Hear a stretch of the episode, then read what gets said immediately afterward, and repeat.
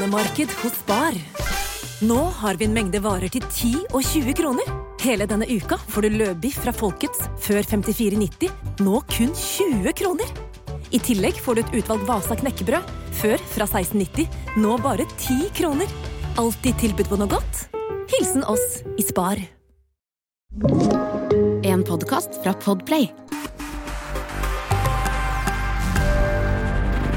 Velkommen til Bli hørt, podkasten som tar for seg det unike med lyd, og hvorfor det bør være en del av mediemiksen. Jeg heter Lise Lillevold og er salgsansvarlig i Bauer Media. Og jeg er over snittet interessert i hva lyd kan bidra med for annonsørene. Dagens tema lyd i mediemiksen. Analyse og utviklingen over tid. Og for å snakke om dette har jeg fått med meg Knut Arne Futsæter, som er research director i Kantar Media og han har nylig snakket om den store medietrenden på seminaret Folkets medievaner 2023. Velkommen, Knut Arne. Takk for det. Nå er jeg kjempenysgjerrig, vet du. Hvordan har egentlig utviklingen vært på radiolytting i Norge? Det som er bemerkelsesverdig med radio og lyd i Norge, det er jo at det er såpass stabilt i forhold til at uh, man har fått stadig nye medier og medieplattformer. Så radioen klarer seg bemerkelsesverdig bra i forhold til konkurransen med andre medier. Ja. Når du sier det, er det noen eh, medier som har, man har sett betraktelig nedadgående trend på, siden du sier bemerkelsesverdig bra? Ja, altså det er jo bemerkelsesverdig hvis en på en måte tenker litt tilbake 30 år. For det er jo tross alt 30 år siden vi da fikk kommersiell eh, rikskringkasting i Norge ved P4. Mm. Og hvis vi ser på den perioden her, så er jo radiokonsumet vært veldig stabilt. Både det totale konsumet og konsumet av kommersiell radio. I den samme perioden så har jo eh, vi har fått eh, strømmetjenester og nye TV-kanaler osv. Og, og man ser jo at lineær-TV har jo hatt en større tilbakegang eller, eller eh, radiolytting. Så radiomedier klarer seg relativt bedre i forhold til andre medier. Mm. Vi kan også se i forhold til avislesing, hvor det har vært en veldig sterk dropp i andelen som leser minst én avis daglig på papir, og tilsvarende på magasin. Så radiomedier klarer seg veldig godt i dagens konkurransebilde. Mm.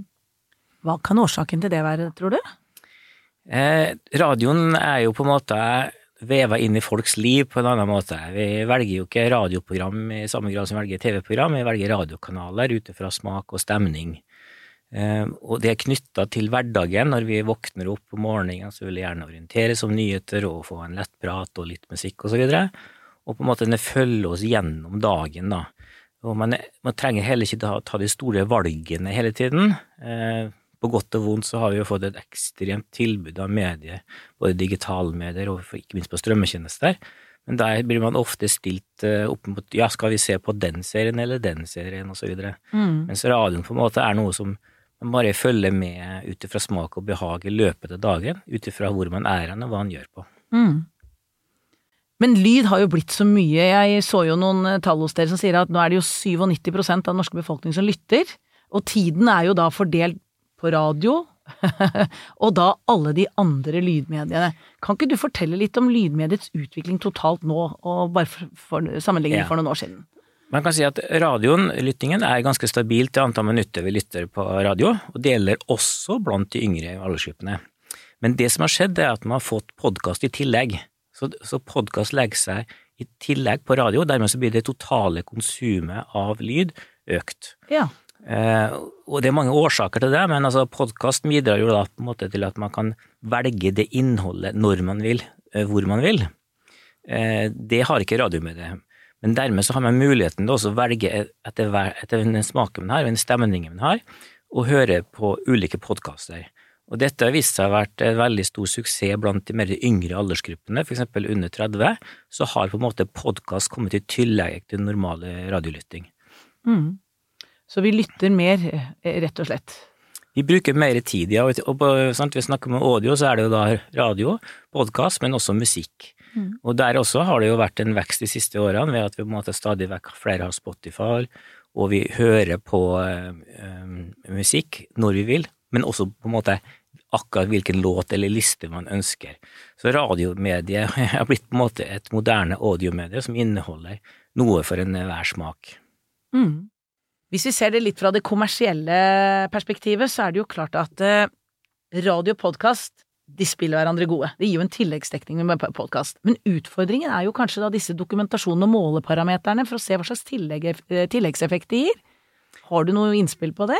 Ja, det er jo slik da at i Forbruker og Media sin spørreundersøkelse så spør vi om alle rikskanalene. Og vi spør også om de lytter på norsk podkast og kommersiell norsk podkast. Dermed så er det jo mulig å finne ut av hvor mange som kun lytter på podkast, mange som kun lytter på radio, og hvor mange som gjør på begge deler. Ja. Og da vil vi nok se det at hvis vi ser på de yngre aldersgruppene, så vil vi se at podkast legger seg på toppen av eh, radio, slik at man på en måte får en samla sett en høyere dekning. Mm. Kronemarked hos Spar. Nå har vi en mengde varer til 10 og 20 kroner. Hele denne uka får du løbiff fra Folkets før 54,90, nå kun 20 kroner. I tillegg får du et utvalgt Vasa knekkebrød, før fra 1690, nå bare 10 kroner. Alltid tilbud på noe godt. Hilsen oss i Spar.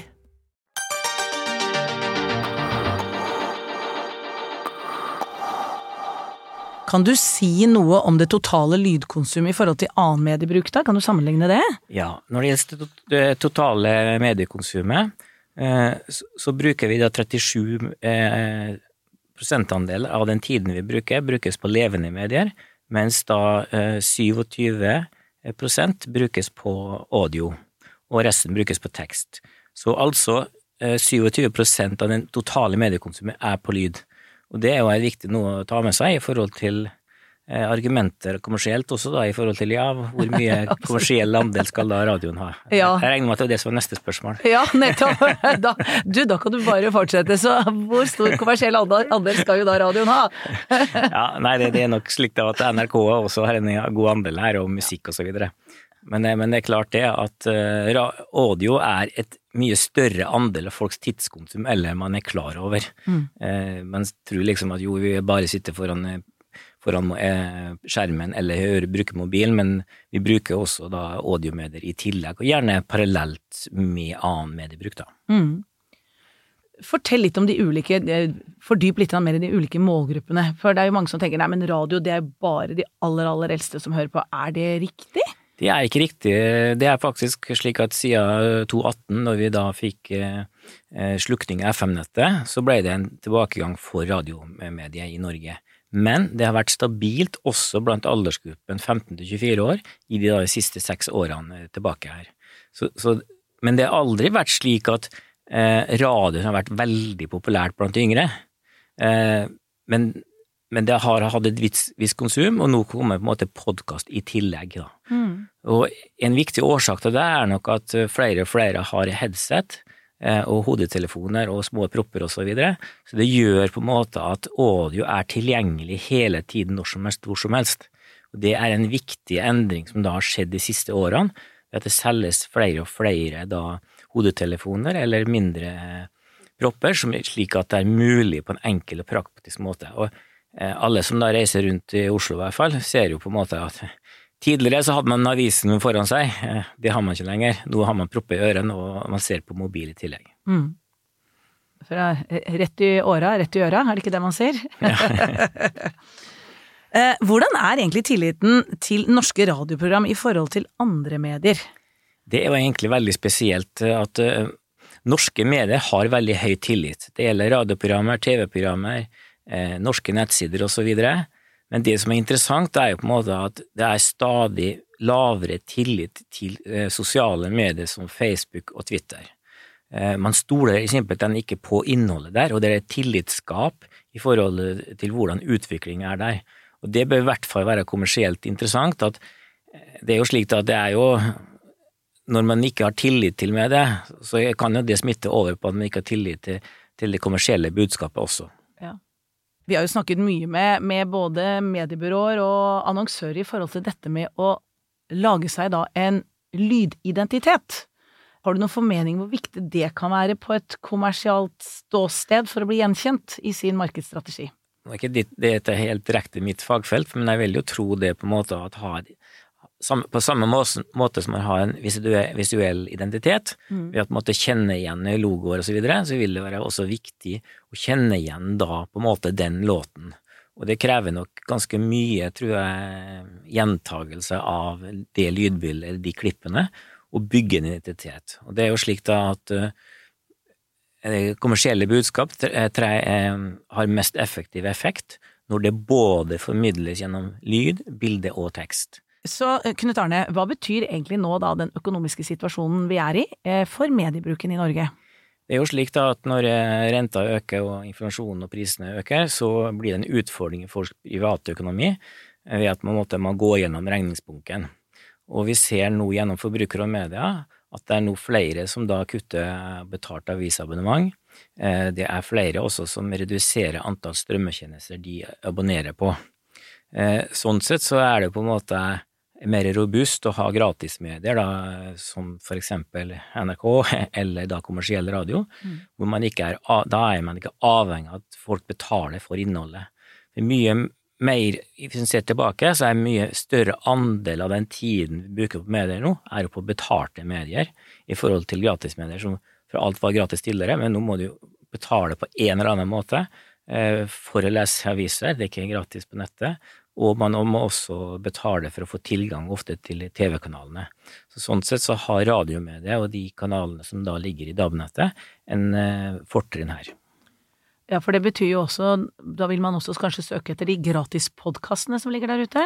Ja, altså det samme gjelder så gratispodkaster og mm. gratis eh, nettradioer, og samla sett eh, radio, for det er jo et gratis tilbud. Og det er jo også på en måte med nyheter i demokratiperspektiv, så er det jo slik da at når folk faktisk i dag i mye større grad må betale for nyheter, så er det jo viktig at alle, selv om man har veldig dårlig inntekt, har muligheten til å få med seg de viktigste nyhetene, og ikke må stole blindt på det som skrives på Facebook. Mm.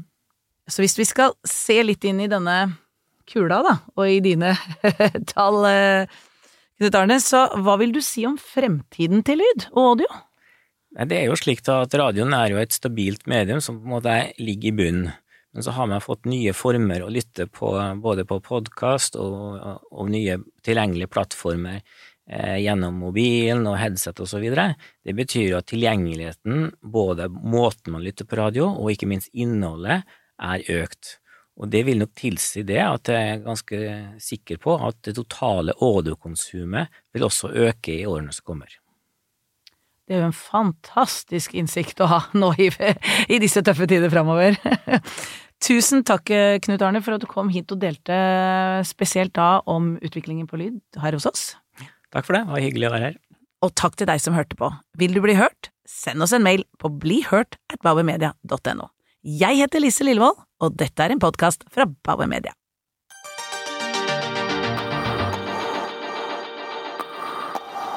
Du har hørt en podkast fra Podplay. En enklere måte å høre podkast på. Last ned appen Podplay, eller se podplay.no.